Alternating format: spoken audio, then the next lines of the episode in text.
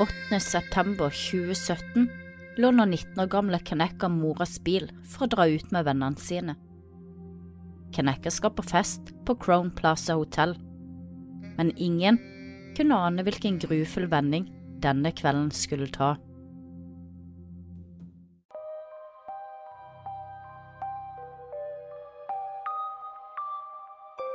Sett deg godt til rette med noe godt i koppen, og bli med inn i mord og mysteriers verden.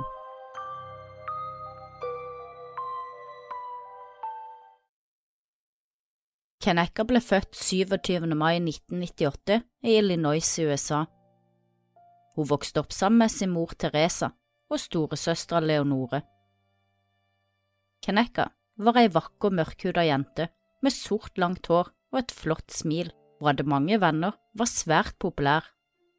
Mora så på som ansvarsfull, og hun havna sjelden i trøbbel. Fredag 8. september 2017 gjør Kanekka seg klar for kveldens bursdagsfeiring. Hun lar det lange, flotte håret henge løst. Hun tar på seg ei hullete, trang dongeribukse, en hvit bh-topp med ei dongerijakke over og hvite joggesko. Hun har fått låne moras bil og skal være sjåfør denne kvelden for og sine venninner. Kaneka og venninnene ankommer Crown Plaza Hotel rundt halv tolv om kvelden. Hotellet ligger ved Rosemount, et lite sted i Chicago. Festen de skal på, holder til på rom 926. Jentene gleder seg, og i heisen på vei opp til rommet filmer de seg sjøl i heisens speil og tar flere bilder mens de gjør seg sexy, samtidig som de fniser og ler av hverandre. You slide go up with the gang. Hey. Go up say. go up. Da Kanekka og venninnene ankommer hotellet, er festen godt i gang. Det er flere gutter og jenter på festen, og flere kommer stadig til. Kanekka kjenner de fleste. Vennene drikker alkohol og røyker marihuana mens musikken dunker høyt. Checking out, checking in, checking out, checking in, checking in, checking in. Another dollar get a script, then I'm checking out. Kaneka, som er sjåfør den kvelden, skal ikke drikke, og på en snapfilm fra festen kan man se Kenneka danse og kose seg i bakgrunnen.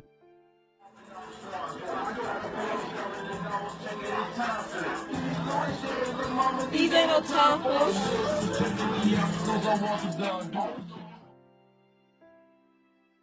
Klokka er blitt halv fem om morgenen 9. september, da Kanekas mor Teresa våkner av telefonen ringer.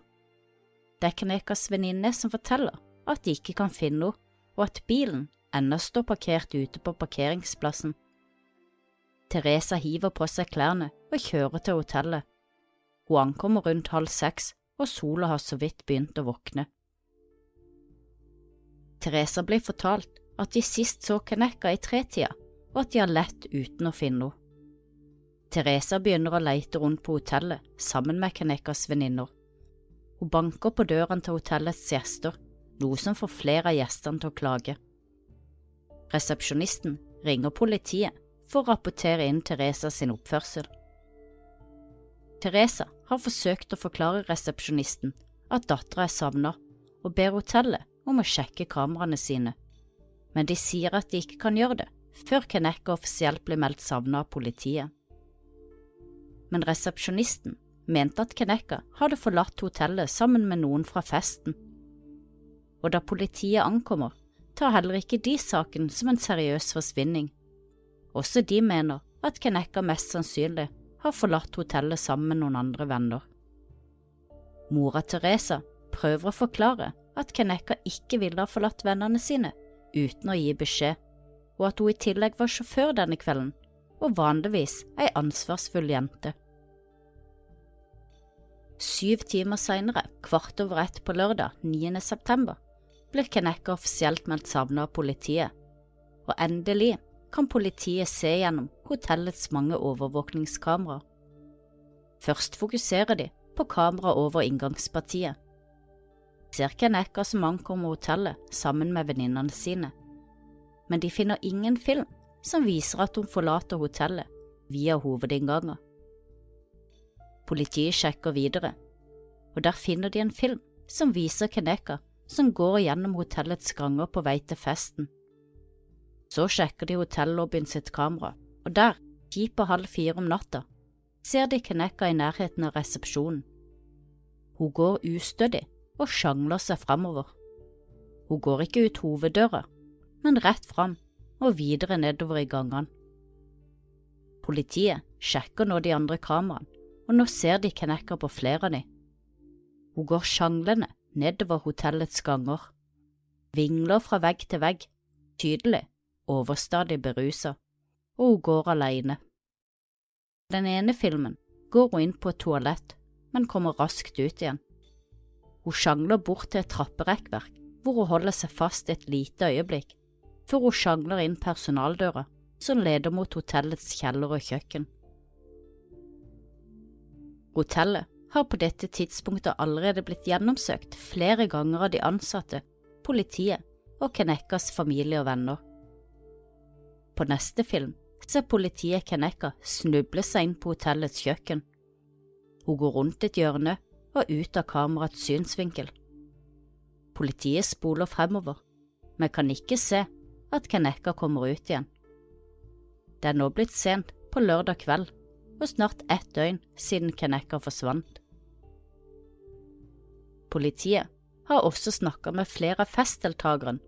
Flere av de bekrefter at de hadde observert Keneka drikke konjakk, og et av vitnene fortalte at Keneka ikke hadde virket som seg selv den kvelden. Hun hadde danset litt, men senere så virket hun lei seg. Og vitnet hadde observert at Keneka satte seg ned på senga inne på hotellrommet. Ingen var helt sikre på når de hadde sett Keneka siste gang, men ut fra tekstmeldinger kunne det virke som hun ble savnet allerede i totida natt til lørdag. Da hadde noen av vennene til Kenneka teksta til hverandre at Kenneka var full og at de ikke kunne finne henne. Vennene sa at Kenneka hadde gått ned mot resepsjonen på natta sammen med noen av folkene fra festen, men at hun ble stående igjen alene i resepsjonen da de andre gikk tilbake for å hente mobilen hos sin som hun hadde glemt igjen på rommet. Politiet var raske i gang med å undersøke hotellets kjøkken etter å ha sett overvåkningsfilmen hvor hun gikk inn, men ikke ut. Klokka var blitt tolv på ett natt til søndag 10. september, da Keneka Jenkins ble funnet død i hotellkjøkkenets walk-in-fryser. Hun ble funnet liggende på sida, med ansiktet ned. Den ene skoen var av, og toppen var dratt over det ene brystet.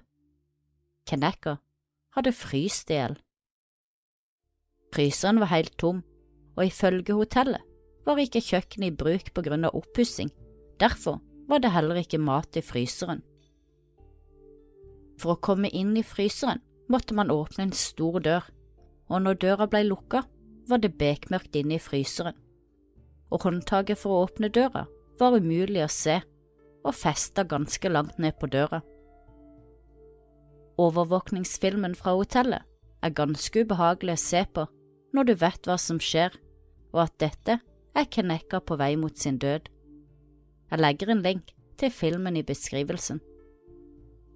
Filmen levner for meg liten tvil om at Kenneka er sterkt berusa der hun sjangler nedover ganga, noen ganger med ett skritt fram og to tilbake.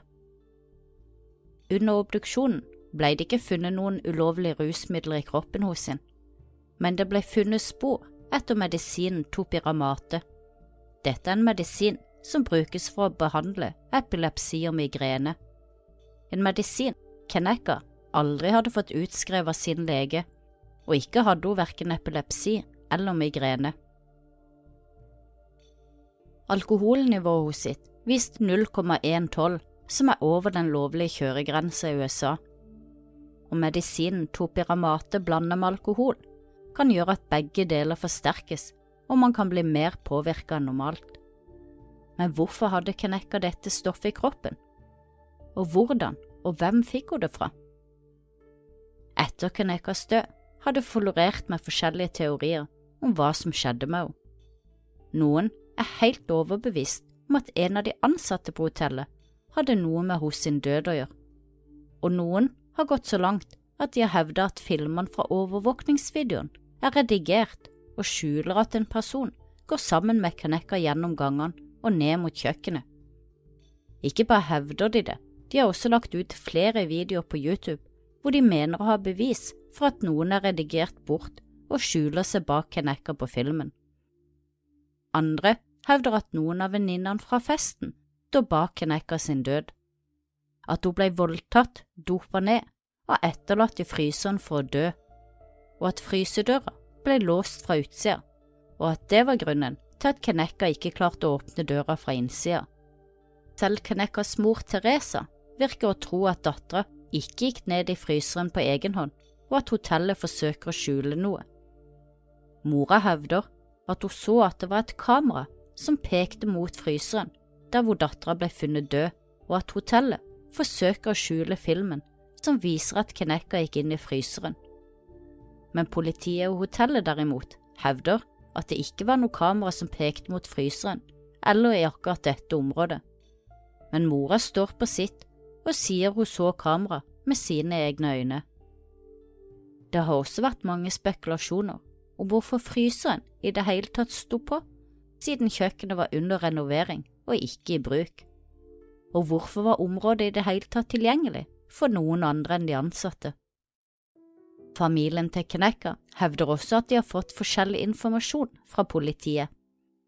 Kenekas søster hevder at politiet først fortalte de at det var en brannmann som fant Kenneka død, men at politiet senere fortalte at det var en av de ansatte fra hotellet som hadde funnet henne. Det har også gått flere rykter om at Kenekas venninne hadde utlovt en dessert på 200 dollar til den som klarte å kvitte seg med kanekka, angivelig etter en krangel om en gutt. Mens andre har spekulert i at en ansatt fra hotellet for å høste organene for å selge de videre på svartemarkedet. Men til syvende og sist levner det stort sett liten tvil om at kanekkas død ikke var noe annet enn en tragedie, hvor ei full og berusa jente vandra rundt alene og prøvde å finne veien ut eller venninnene sine, og at hun åpna frysedøra i tro om at det var ei vanlig dør som ville lede henne ut. Og innen Keneka rakk å forstå at hun var i en fryser, så lukka døra seg bak henne, og i kulda og mørket, sterkt berusa, klarte ikke Keneka å se eller finne håndtaket som åpna døra. Obduksjonen viste en liten hevelse på hjernen, så kanskje ramla hun og slo seg inn i fryseren, noe som gjorde det enda vanskeligere for en allerede berusa jente å orientere seg. Antageligvis har hun tatt av seg skoen i et forsøk på å slå på døra og veggen, i håp om at noen skulle høre henne og hjelpe henne ut, før hun da til slutt har dødd av hypotermi. Ingen har kunnet gi Ingen har kunnet gi et godt svar på hvorfor Kenneka i det hele tatt drakk denne kvelden, siden hun var sjåfør, eller hvordan hun fikk i seg epilepsimedisin. På den andre sida så er det ikke uvanlig at unge mennesker tar spontane valg og ombestemmer seg når de første ankommer festen. Kenekas mor og søster har vanskelig for å akseptere at Kenekas død var et uhell og en tragedie som følge av at hun var berusa og prøver å legge skylden et annet sted. De har saksøkt hotellet for 50 millioner dollar for ikke å ha sikra kjøkkenområdet for uvedkommende. Etter sjøl å ha sett videoen, er jeg ikke i tvil om at Kenekas død ikke er annet enn et tragisk dødsfall. Ei jente som forvilla seg inn i en fryser, og som på grunn av sin tilstand, kulden og mørket, ikke klarer å finne veien ut igjen. Det er trist og ubehagelig å se henne gå sin siste gåtur, når man vet at hun går sine siste skritt på vei inn i døden. En tragisk ulykke og påminner om å alltid passe på hverandre etter en tur på fest eller byen når man har inntatt alkohol. Gå aldri alene, og ikke la andre gjøre det heller, for man vet aldri hva som kan skje alene i en sånn tilstand.